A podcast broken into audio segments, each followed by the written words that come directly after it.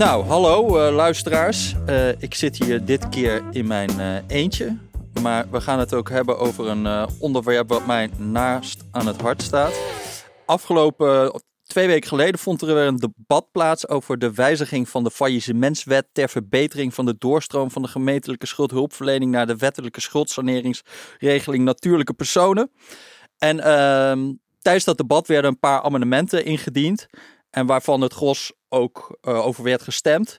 En mijn voorlopige indruk is wel dat dat een, uh, nou ja, een kleine revolutie bij elkaar uh, heeft geamendeerd op het gebied van de schuldsanering. En of dat helemaal klopt en uh, wat er nog meer beter kan in de schuldsanering, daarover ga ik het hebben met Martijn Schut en Taco Schaafsma. Schut en Schaafsma, dat had de naam kunnen zijn van een heel degelijk singer-songwriter duo. Maar uh, ze kozen een ander carrièrepad.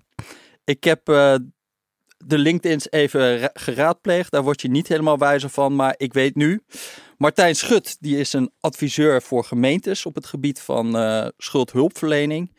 En hij, is ook, hij heeft ook een eigen nieuwsbrief, al jaren ook een blog, wat, nou ja, wat ik ook vaak las altijd. En Taco Schaafsma werkt bij de gemeente Groningen als ontwikkelmanager schuldhulpverlening. En werkte geloof ik ook al in de prehistorie als bewindvoerder. Dus die, eh, die eh, heeft eigenlijk alle veranderingen zien langskomen in uh, de schuldhulpverlening, de schuldsanering.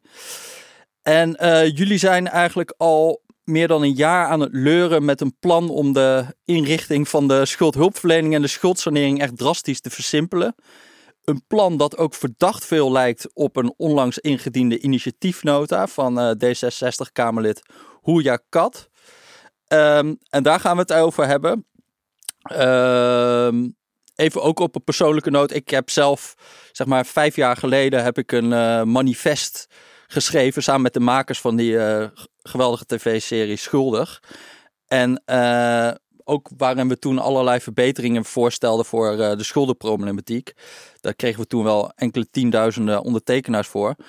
En dat is eigenlijk heel erg in lijn met uh, die initiatiefnota die nu is ingediend. En uh, ik, zal nog even, ik zat nog even te lezen wat, we, wat ik toen schreef, of wat wij toen schreven. En ik zal even onszelf citeren, dat is altijd prettig. In Nederland is het doodnormaal dat de directeur van de VND naar de rechter kan om die middag nog zijn bedrijf failliet te laten verklaren. Maar om als burger van je schulden af te komen, moet je eerst een bureaucratische triathlon lopen. Ongetraind. En misschien is dat ook wel goed om daar even mee te beginnen. Uh, gewoon de basics van hoe kom je eigenlijk in Nederland van je schulden af? Dus wat moet je dan doen? Kan een van jullie dat aan mij uitleggen? Dus zal ik daar even op aftrappen, Taco, vind je dat goed? Uh, je vat het eigenlijk al heel goed samen, Jesse. Een bureaucratische triathlon. Ik weet niet hoeveel voorkennis jouw podcastluisteraars hebben, maar Ga maar uit van nul. Ja, je kunt inderdaad vele podcasts vullen met uitleg over hoe de schuldhulpverlening in Nederland werkt. Uh, misschien is het handig om eerst even te praten over de beoogde uitkomst. Want die is, die is eigenlijk wel heel erg helder. De uitkomst van uh, schuld. Als je problematische schulden hebt, wat we dan doen, is dan we vegen al die schulden bij elkaar. We berekenen hoeveel iemand uh, kan aflossen in een periode van drie jaar. En de rest, daar vragen we dan aan schuldeisers om dat kwijt te schelden. Dus dan ben je na drie jaar ben je schuldenvrij. Ehm, en eigenlijk met ons initiatief uh, blijft die beoogde uitkomst ook gewoon overeind staan. Dus je zou kunnen zeggen van, nou, die uitkomst is eigenlijk heel eenvoudig. Uh, je zou bij wijze van spreken daar gewoon ook lopende bandwerk van kunnen maken. Maar schuldhulpverlening uh, voor particulieren is echt een schoolvoorbeeld van onnodig complexe wet en regelgeving in Nederland. we hebben meerdere wetten die allemaal een klein stukje regelen van de schuldenproblematiek. Uh, allemaal met een verschillende ontstaansgeschiedenis. En de wet en regelgeving is dus heel erg versnipperd. En zo versnipperd als die wet en regelgeving is, zo is dus ook de uitvoering. Je hebt als, uh, als schuldenaar, maar ook als schuldeiser overigens, uh, te maken met verschillende gemeenten. je hebt met verschillende soorten bewindvoerders te maken. Je hebt met de rechtbank te maken vrijwilligers, wijkteams, deurwaarders doen nog het een en ander. En omdat het zo versnipperd is, heb je dus ook heel veel overdrachten. Heel veel dubbel werk van partijen die dan het werk nog eens eventjes opnieuw gaan op, uh, uh, overdoen. En daardoor hele lange doorlooptijden. Voor de mensen in de schuldhulpverlening betekent dat heel veel stress. En uiteindelijk zie je aan de cijfers dat ook per saldo onder de streep maar heel weinig mensen echt daadwerkelijk schuldenvrij zijn en, en geholpen worden dus. Schuldeisers die moeten lang wachten, die moeten heel veel afboeken. dus, dus eigenlijk voor niemand is dat een, een fijn traject. Ja. En, ja, ik had een keer een, een, bewindvoerder die zei tegen mij dat je tegenwoordig om nog fatsoenlijk in armoede te leven in Nederland, je eigenlijk een universitair diploma nodig hebt. Ja. En die indruk kreeg je ook wel een klein beetje als je dan eh, al die instanties en al die regelgeving probeerde te doorgronden. Dat kostte bij mij ook wel echt, denk een jaar. En toen begreep ik het nog maar half. Ja. Dus het is eigenlijk bizar dat dat zo werkt. Maar misschien even dan helemaal uh, je hebt eigenlijk twee grote manieren om van je schulden af te komen. Dat is aan de ene kant de minnelijke traject, heet dat dan. Dat zit bij gemeentes. En je hebt het wettelijke traject. En dat wordt eigenlijk door de rechter uitgesproken. Ehm, kun, je, die twee even beschrijven? Van wat, wat is het minnelijke traject? Ja, nou, we hebben sinds 1998 de mogelijkheid om via de WZP, dus via de rechter, te zorgen dat je inderdaad een schone lei uh, kan krijgen. Uh, en de rechter zal altijd eerst kijken van, uh, kan het niet op een minnelijke manier worden opgelost? Want het is natuurlijk nogal wat om aan het eigendomsrecht te tornen. Dus dat, daarvoor zijn gemeenten verantwoordelijk om dat te doen. Dus die gaan dan eerst onderhandelen met de schuldeisers. En als ze daar dan niet uitkomen, of als er één of twee schuldeisers dwars liggen, kan soms een goede reden zijn overigens, dan kan dus de, de rechter erbij komen kijken en ja, uh, de rechter die komt er altijd uit. Die slaat hem eens een hamertje en dan, uh, en dan legt hij een schuldregeling op. En het, het, traject ziet er ongeveer hetzelfde uit. Dus ook drie jaar uh, maximaal aflossen. bij de gemeente krijg je een schuldhulpverlener en allerlei hulpverlening en inkomensbeheer. En bij de WZP krijg je een WZP-bewindvoerder toegewezen en een, een, een, postblokkade in veel gevallen. Ehm, maar verder ziet er grote lijnen het traject er ongeveer hetzelfde uit. En dan is de grote vraag eigenlijk van waarom, uh, waarom zijn dat dan twee naast elkaar bestaande? Wat kan een WSMP wat zeg maar een, uh, een minderlijk traject niet kan en andersom? Is daar... Nou ja, wat wel, wat wel denk ik interessant is, uh, is dat het hele proces wat door de gemeente wordt gedaan. Hè, mensen gewoon proberen vrijwillig te bewegen, akkoord te gaan met een regeling. En eigenlijk zelfstandig hun eigendomsrecht hè, aan de kant te, te zetten als schuldeiser. Um, dan gaat het op een gegeven moment naar de rechter. En in plaats van dat die rechter dan zegt van, nou, ik vind dat dit eigenlijk wel door moet gaan. Dus er moet eigenlijk wel een traject komen. En zegt van, nou, gemeente, je gaat alsnog maar zo uitvoeren zoals je hebt voorgesteld. Hè. Mhm. Nee, in plaats daarvan komt er een heel ander traject. De gemeente moet eigenlijk alles uit zijn handen laten vallen. Moet zeggen: sorry, wij hebben het geprobeerd, maar het is ons niet gelukt. Vervolgens komt er een rechtercommissaris, die wordt aangesteld als uh, soort toezichthouder hè, voor de rechtbank. Vervolgens komt er een bewindvoerder WSMP, wat in principe uh, nou, uh, ondernemers zijn. Hè? Dus dat zijn ondernemers, terwijl de gemeente juist geen ondernemer is. En ja, eigenlijk zie je dat er dus eigenlijk een hele uh, circus wordt opgetuigd uh, uh, met allerlei overdrachtsmomenten. Terwijl volgens mij als die rechter zegt van nou, zo moeten we het gaan doen. de gemeente al dat werk al heeft gedaan. Waarom zou je die mensen ook, hè, de schuldeisers en de schuldenaar, weer met allerlei nieuwe mensen en met allerlei nieuwe regels. Overigens nog even los van hoe ongelooflijk belastend het voor sommige mensen is om naar die rechter toe te gaan. Ik heb eigenlijk altijd mensen uh, horen zeggen van, uh, dan moet ik voor de rechter verschijnen, vind ik heel spannend, um, want ik heb toch niks fout gedaan. Het lijkt wel alsof ik straf krijg voor iets, terwijl ik uh, vind dat ik daar geen, geen, nou, geen bijdrage aan heb geleverd. Dus je ziet dat het hele proces gewoon heel erg noodloos ingewikkeld is gemaakt, terwijl dat volgens mij helemaal niet hoeft. En dat is een van de basisdingen van wat ik eigenlijk wilde voorstellen is om te zeggen van laten we dat proces van die rechter uh, nou gewoon uh, naar, naar, naar voren halen. Ik vergelijk het wel eens met uh, vroeger had je de bijstand hè, en als de gemeente dan te veel uitkering had verstrekt en ze wilden dat terugvorderen en inhouden op de uitkering die zij aan die burger verstrekken, dan moesten ze eerst naar de rechter om een titel te halen en dan pas mochten ze dat inhouden. Nou, op een gegeven moment hebben we gezegd van weet je wat, we geven de gemeente gewoon de bevoegdheid om die inhouding te doen en is iemand het er niet mee eens, dan gaat hij maar naar de rechter. En, goh, één keer raden, surprise, surprise, 99% minder rechtszaken. Um, en, eh, en, en de rechterlijke macht ontlast. En, uh, en, en die ene procent die dan bezwaar maakt, die gaat dan wel naar de rechter. En dat werkt eigenlijk uitstekend. En ik vraag me dus echt af, als je ziet wat we de afgelopen jaren steeds aan regelingetjes erbij hebben geplakt. En steeds weer andere mensen eh, met andere processen en andere wetgevingjes. Eigenlijk steeds om dingen te repareren. Ik vergelijk het wel eens met een huis waar je steeds een uitbouwtje of een dakkapelletje bovenop een dakkapelletje zet. Maar misschien moeten wij eigenlijk eens kijken welke goede bouwmaterialen we in dit huis hebben zitten. Het afbreken en vanaf de grond weer opbouwen. Want we doen nu eigenlijk 25 jaar lang maar steeds iets wat, er, wat erbij komt. Ja, en ik, eh, ik, ik zou dus heel graag willen dat de gemeente de bevoegdheid krijgt om op het moment dat je zegt van die regeling, we hebben het vrijwillig geprobeerd, maar het lukt niet, weet je wat, wij vinden het toch belangrijk, wij gaan dit toch voor onze inwoners doen.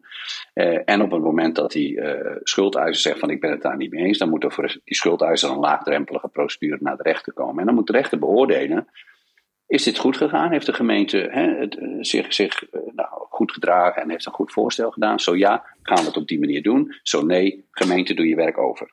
en, en, en dan heb je dus eigenlijk een veel eenvoudiger traject, uh, waarbij je niet steeds met allerlei verschillende mensen te maken hebt. En de kern van dit probleem zit er natuurlijk eigenlijk in. Ik hoorde laatst professor Dr. Ewald Engelen iets moois zeggen tijdens een behandeling van de wetmarkt en overheid. Daar ligt nu ook een wetsvoorstel.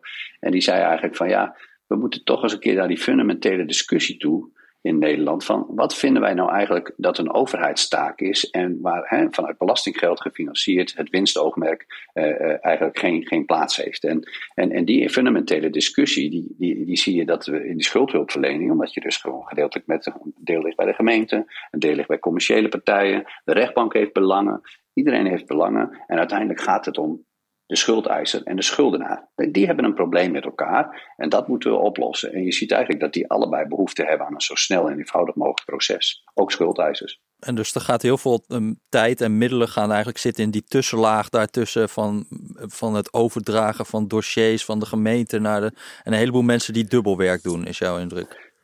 Nou ja, laten we even wel realistisch zijn als je ook kijkt naar hoeveel mensen er op dit moment nog in de WSMP uh, uh, komen, dat is echt een, eigenlijk wonderbaarlijk dat we een enorm systeem opgetuigd houden voor een handjevol mensen die uiteindelijk. Dus je ziet eigenlijk dat het minder traject enorm veel succesvol is ten opzichte van hè, vroeger door ook dat wettelijk traject. En zo was het ook bedoeld. Hè? Het wettelijk traject was een stok achter de deur.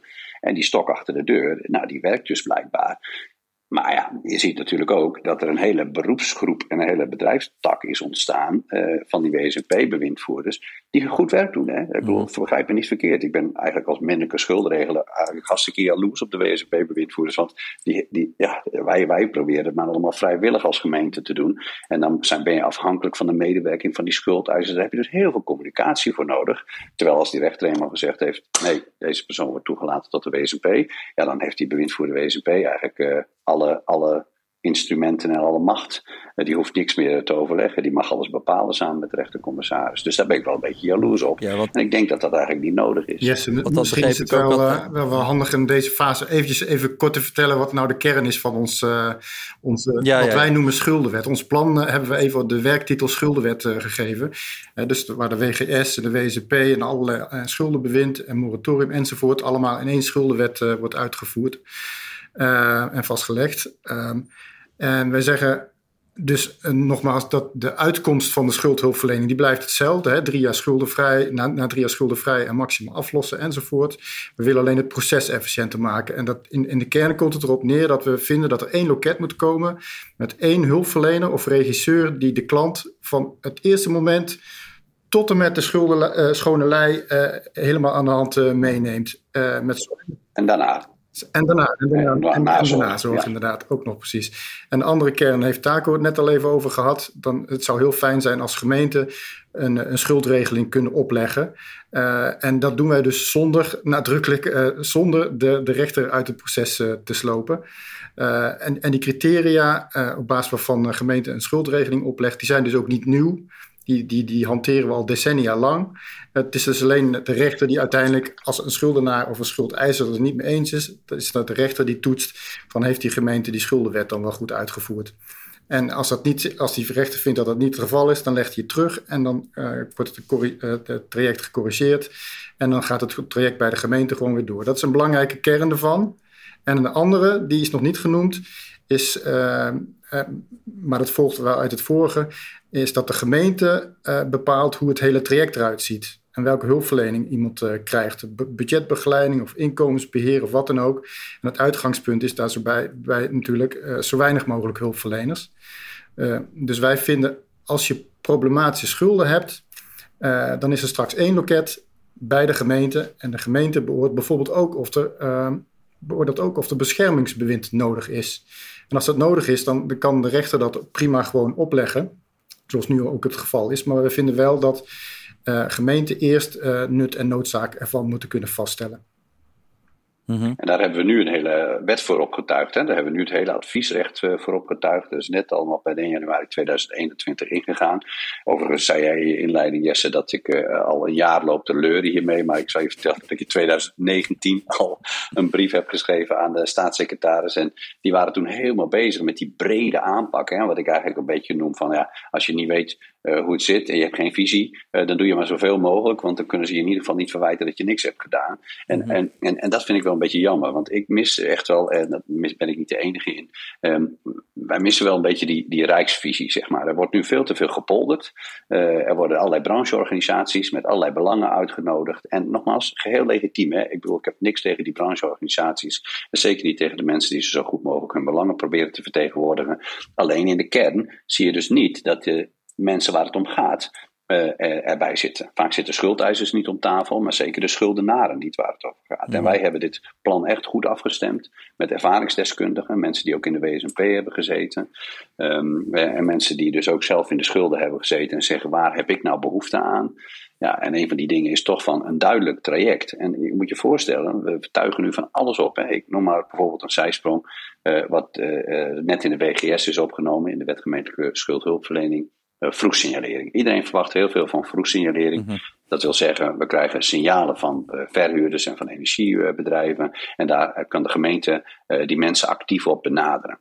Maar je moet je voorstellen dat als je zo'n ongelooflijk ingewikkeld proces. dan kom je bij die mensen aan de deur. Dan zeg je: Wij hebben een signaal gekregen dat u achterstand heeft. Aanvaard onze hulp alsjeblieft. Nou, als ik zo iemand aan de deur zou krijgen, zou ik zeggen: Nou, leg maar eens uit, dat kun je voor me doen. Nou, dan moeten wij een heel ingewikkeld verhaal uitleggen met een rechter. En dan moet je misschien, en dan kijk en de schoonelij uiteindelijk, wellicht, we gaan het proberen, maar we kunnen niks garanderen. Nou, ik, ik, ik zou het wel weten. Ik zou zeggen: Weet je wat? Ik wacht nog even. En wat zie je dus ook? duurt gemiddeld gewoon ongeveer vijf jaar voordat mensen zich melden met die schuldenproblematiek. En de mhm. vraag is ook, en daar twijfel ik ernstig aan, of vroegsignalering daar het juiste antwoord op is. Zolang je niet naar die mensen toe kunt en zegt van, als je je hulp aanvaardt van ons, dan is dit wat je kunt verwachten. Punt. Ja, ja, ja, ja. Want dat zie je dus wel ook in die cijfers van de NVVK, dus dat is de soort van vereniging van schuldhulpverleners, dat op het moment dat mensen uh, zeg maar aankloppen, hebben ze al 40.000 euro schuld of zo, toch? Ja, verdeeld over, verdeeld over 14 schuldeisers, uh, gemiddeld uh, 38, 40, kleine 40.000 euro. Ja, ja, ja. En, en wat, wat stellen jullie dan van? Want nu is het dus bijvoorbeeld bij die, bij die schuldhulpverleners, die gaan dan om de tafel zitten met de schuldeisers. En als er eentje zegt of twee zegt van nou nee, ja, we zien dit toch niet zitten, dan moet je helemaal naar de rechter toe om eh, die mensen toch te dwingen. En dat kost allemaal tijd. En, uh, en jullie willen dat eigenlijk bijvoorbeeld helemaal omdraaien. Dus dat de gemeente eigenlijk gewoon zegt: dit gaat het worden. En als, als een schuldeiser daar bezwaar tegen heeft, moet hij maar naar de rechter toe. En dan uh, of wat, wat is het idee precies? Ja, en daar moet natuurlijk een, een eenvoudige en, en, en vrij kostenarme procedure voor worden opgetuigd. Mhm. Maar dat kan ook, want uh, we hebben helemaal bij wijze van spreken geen WSMP-zaken uh, meer. Uh, wat, je, wat je nu ook ziet, hè, is dat vaak dat als één of twee schuldeisers niet akkoord gaan, dan kun je dus een dwangakkoord hè, mhm. vragen. Dus dan kun je vragen aan de rechter, alsjeblieft dwing deze schuldeiser. En wat je dan vaak ziet, is dat als die schuldeiser die procedure verliest, is dat hij ook die kosten moet betalen. Maar je ziet dus ook heel vaak dat uh, op het moment dat dan zo'n schuldeiser die dwars ligt, dan zo'n brief van zo'n eh, de, uh, rechtbank krijgt van u, u wordt opgeroepen ter zitting, dat ze dan denken van oh, we gaan alsnog wel akkoord. Dus je ziet dat we heel veel werk nodig hebben om uiteindelijk nou, als resultaat dat, dat, dat het alleen maar vertraging heeft opgelopen. En weet je wat ook nog zo bijzonder is, is dat in dat proces wat ik net beschrijf, de schuldeisers die dwars liggen, bepalen hoe lang het traject duurt ten opzichte van de schuldeisers die, die wel willen en direct akkoord gaan. Die moeten allemaal wachten op die ene schuldeiser die dwars ligt om dat hele proces ja, en sterker nog, Taco, die, die, die andere schuldeisers, die 90, 95 procent van die welwillende schuldeisers, die worden dus tegen hun zin meegetrokken in de WSP. Het duurt allemaal langer en ze krijgen om de streep ook nog minder van de vordering terug. Dat is ook richting uh, de schuldeisers heel onrechtvaardig. Het is misschien trouwens ook nog wel even goed om te noemen dat die, die plannen voor die schuldenwet, die, uh, die hebben wij zelf natuurlijk uh, bedacht, maar echt maar nadrukkelijk in samenspraak met zowel schuldeisers als uh, ervaringsdeskundigen of schuldenaren, zeg maar, de, de hulpvragers. En, en, en de, de, belangen van allerlei brancheorganisaties of beroepsgroepen eromheen, die op een of andere manier betrokken zijn bij de schuldhulpverlening, die komen nadrukkelijk op de tweede plaats. Mm -hmm. Want dat is ook wel fascinerend, wat ik altijd, uh, dat als je dan keek naar die cijfers over de WSMP, van wat krijgen mensen of wat krijgen schuldeisers eigenlijk nou nog na die drie jaar? En dat is vaak 5 tot 10 procent gemiddeld of zo. Dus het gros, ja, dan ben je drie jaar aan het aflossen. En dan komt er eigenlijk ook niet echt heel erg veel geld meer uit voor de schuldeisers. Dus wat, wat heb je daar dan ook heel erg aan als dat dan een heel lang en slepend traject wordt? Waar je, of, of is dat te kort door de bocht? Nee, nee, en dat is hetzelfde eigenlijk wat we zeggen. Mensen, voor, toevallig hoorde ik net een professor, Wipier heet die meneer, die heeft net ook iets gepubliceerd. En daar stond, die zegt ook van, ja luister, Um, uh, uh, dat eigendomsrecht, waar we zo uh, hoog over opgeven, hartstikke leuk. Maar als het er niet is, dan heb je er niks aan. Dus nee. wij, wij zeggen ook van, ja, schuldeisers waar we mee praten, die zeggen, luister, wij hebben maar één ding wat we willen. Niet drie jaar lang onze vordering, maar moeten aanhouden en een heel proces van drie jaar. Wij willen zo snel mogelijk onze BTW terug. Vaak is dat namelijk hè, nog een hoger percentage dan wij in zo'n schuldregeling aangeboden krijgen. Wij willen zo snel mogelijk weer een klant die economisch actief is en weer producten bij ons kan afnemen. Neem bijvoorbeeld zorgverzekeraars, die hebben belang bij dat die mensen gewoon uh, hun premie weer op tijd betalen en hun eigen bijdrage.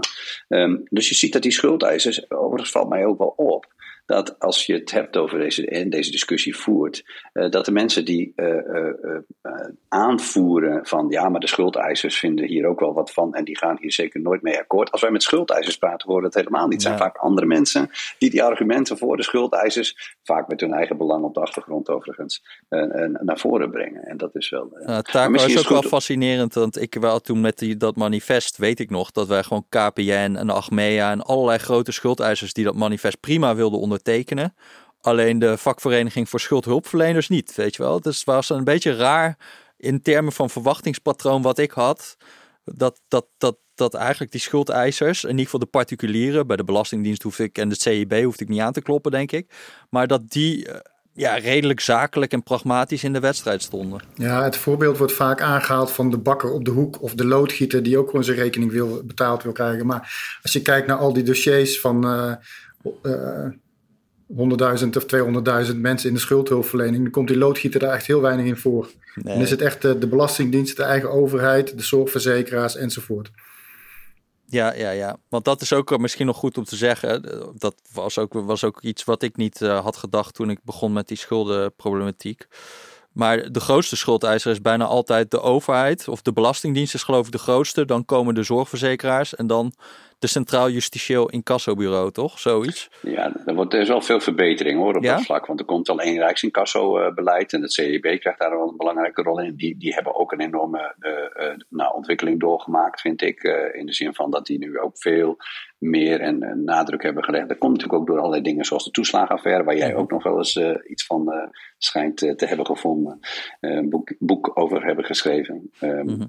Dus ja, weet je, dat zijn natuurlijk wel dingen die ook veranderingen hebben teweeggebracht. Hè? Die hele, uh, nou, de overheid heeft natuurlijk ook hier en daar wel eens een tik over de vingers gekregen. En dat heeft ook wel geresulteerd in een stuk verbetering hoor. Maar misschien is het goed om, ik weet niet hoeveel tijd we nog hebben, maar misschien is het goed om een beetje te kijken van die, die ontwikkelingen die nou vorige of twee weken geleden in de Kamer waren. Uh, waarom dat waarom dat dan volgens ons niet helemaal de oplossing is en die ene schuldenwet eigenlijk beter is. Ja, ja, ja. Want, want, want wat, dat, dat was wel een beetje een voorbeeld inderdaad van uh, blijven draaien aan uh, de knopjes die we al hebben. Uh, uh, al die amendementen. Maar het ging wel allemaal vrij ver, moet ik zeggen. Vooral als ik dan bedenk van waar, ik dan, waar we dan vijf jaar geleden waren. Toen ik hier dan met mensen over praatte.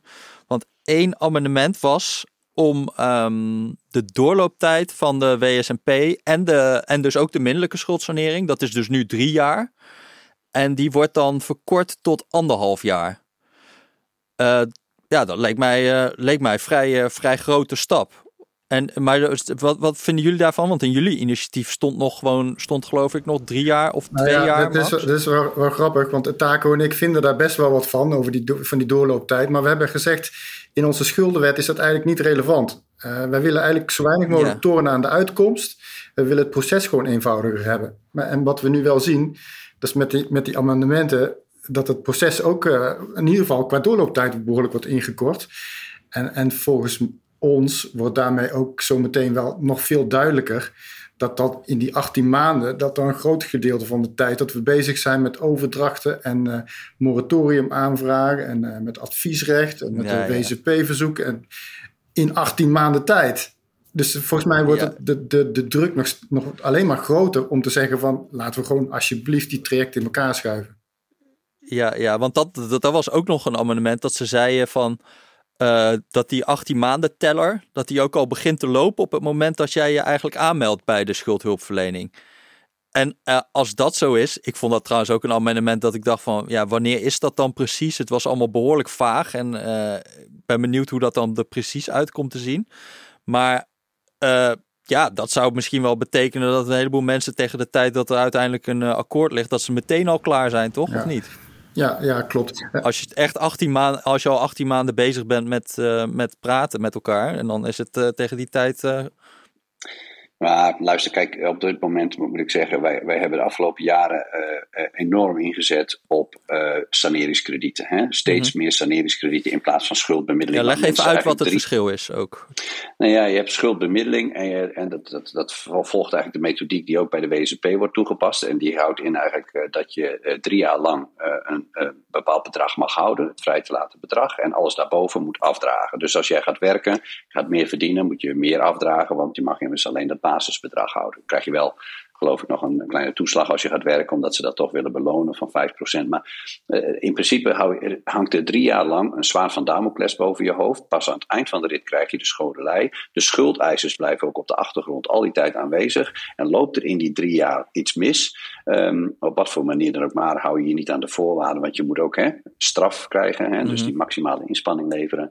Krijg je dat niet, dan gaat er iets mis, dan ben je terug bij af. Dan mag je net als bij Gansenbord hè, terug naar start of uh, zelfs eerst even in de put zitten. Ja. Um, bij een saneringskrediet, uh, wat een tijdje naar de achtergrond is geweest, want vroeger deden we bijna alles met saneringskredieten, maar dat is tegenwoordig gelukkig weer. Uh, we willen mensen weer zo snel mogelijk ook perspectief bieden. Dat betekent dat we de schuldeisers een bepaald percentage bieden aan het begin van het traject en de schuldeisers eigenlijk afgekocht worden. Dus voor schuldeisers beter, hè, kunnen gelijk de BTW terugbetalen, is voor mensen die, uh, die zo'n saneringskrediet krijgen uh, beter. En op het moment, dan, dan, heb je eigenlijk nog maar één schuldeiser en dat is dan de gemeente. we hebben net een heel WABO-fonds ook landelijk opge, opgetuigd, waar 30 miljoen in, in, zit geloof ik. kijk ook even naar. Uh, naar Martijn, want die weet dat vaak beter dan ik, dat soort technische dingen. En, en, en dan uh, betekent dus dat mensen eigenlijk gelijk uh, van hun schuld af zijn en nog maar één schuld hebben. Ga je daarna, een week daarna werken of zeggen je ouders van, weet je wat, lieve, lieve, lieve schat, wij betalen dat saneringskrediet in één keer af. Dan ben je in één keer van je schulden af. Dan is dan in, in, in twee maanden tijd bij wijze van spreken. Dat kan. Hmm. Maar dat is dus heel lang vanuit dat straf ehm, aspect hebben we gezegd van nou, mensen moeten niet zo makkelijk van hun schuld afkomen hoor. We moeten ze drie jaar lang wel laten voelen hè, dat, ze, dat ze het ergens mm -hmm. voor moeten doen. En ja, dat is eigenlijk wat, wat we nu een beetje uh, loslaten. En die saneringskredieten, uh, die zijn natuurlijk de hoogte daarvan en wat je die schuldeisers aan, aan, aan percentage biedt, dat is natuurlijk gebaseerd op de looptijd van zo'n schuldenregeling en van zo'n saneringskrediet. En dat is dus eigenlijk 36 maanden. Als je dat ook gaat verkorten naar 18 maanden, mm -hmm. um, nou, dan, dan, dan blijft er natuurlijk ook weinig en minder over voor schuldeisers om aan schuldeisers uh, aan te bieden. Um, en ja, ik weet niet of het hele wettelijke traject. Um, uh, we, we, zijn nu heel erg bezig met aan dat wettelijke traject en daarover te hebben. Uh, terwijl ik denk van ja, maar dat wettelijk traject, dat moet je eigenlijk alleen maar inzetten op het moment ja, dat het echt nodig is. En waarom versterk je niet aan de voorkant? Uh, zodat mensen alleen maar naar de rechter hoeven als het echt noodzakelijk is. Ja, en, want dat, dat viel mij ook wel op, dat dat dan heel erg... Want, want, want als je die cijfers keek over het aantal uh, mensen dat zich melden bij schuldhulpverlening. Dat was tien jaar geleden zeg 90.000 en nu 80.000.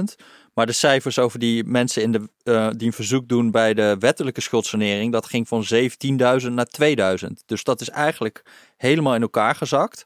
Mensen gebruiken dat al veel minder, die wettelijke schuldsanering. Maar ik merk dat dat in de politiek heel erg wordt gezien als een probleem.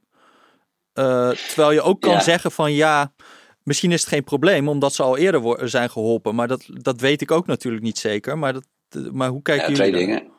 Een, een van, de, de, hele behandeling van de wet vorige week er zit natuurlijk ook een enorme lobby achter van, uh, van, uh, van, van bewindvoerders uh, die voor hun brood verdienen met, met, met, het, met het feit dat ze door de rechter worden aangewezen als bewindvoerder. Dus dat is één. Maar ik denk ook dat gelukkig zijn er een aantal Kamerleden, moet ik echt zeggen hoor, daar heb ik echt, die, die zich echt in verdiept hebben de afgelopen tijd. Het is natuurlijk ook heel actueel.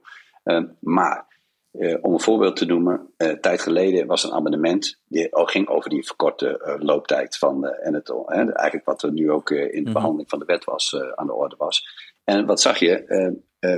er werd, met, werd gestemd met een motie voor snellere toeleiding en betere toegang tot de schuldhulpverlening. Mm En is met algemene stemmen aangenomen die motie. Iedereen heeft voor gestemd. Maar toen vroeg ik aan een aantal Kamerleden: waar heb je nou precies voor gestemd? Heb je nou gestemd voor versterking van het mindelijk traject? Of heb je nou gestemd voor omzeiling van het mindelijk traject en versterking van het wettelijk traject? En ze hadden echt, waar heb je het over? Ze dat is geen idee.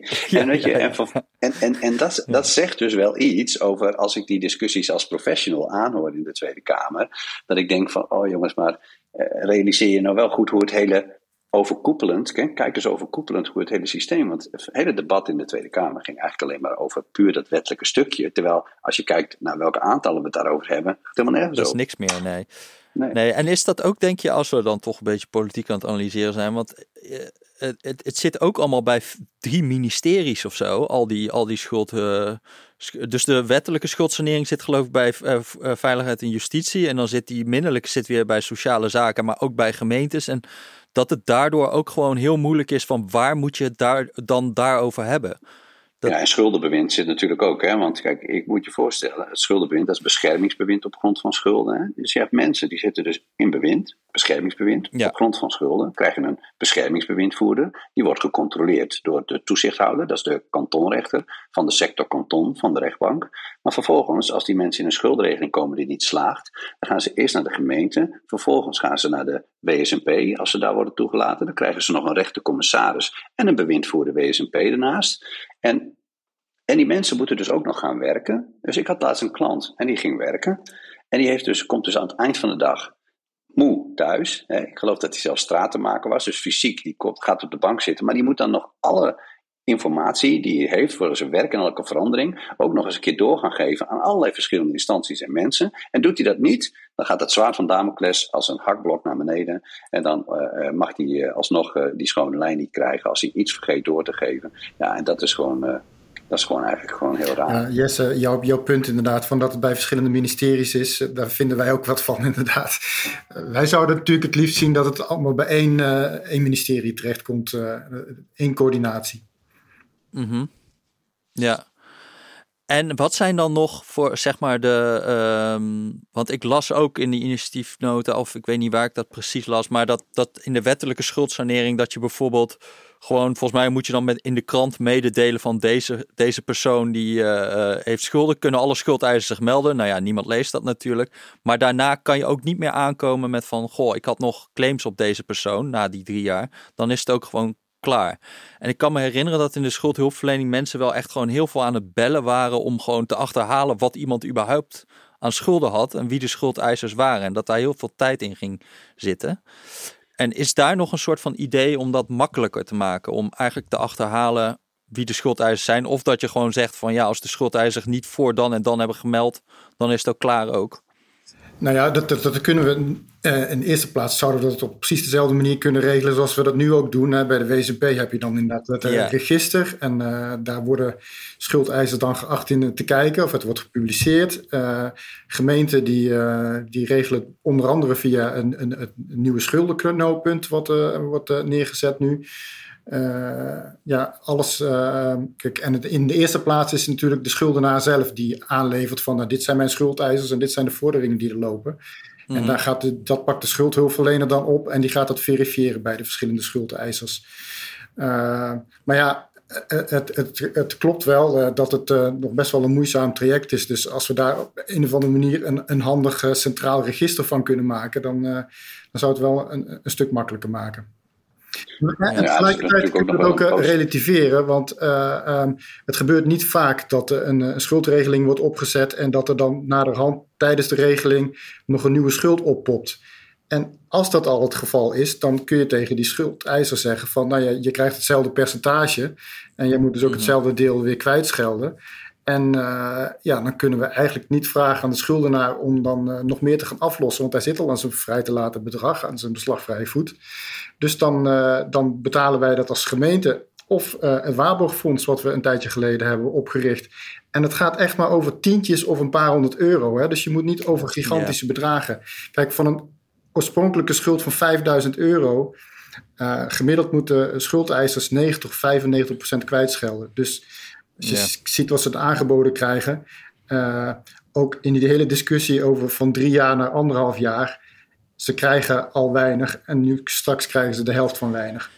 Ja, mag ik dan? Ik vond het toch wel grappig om te lezen dat dan VNO-NCW had dan ook een heel document dat het echt wel echt absoluut verschrikkelijk was wat er nu allemaal aankwam.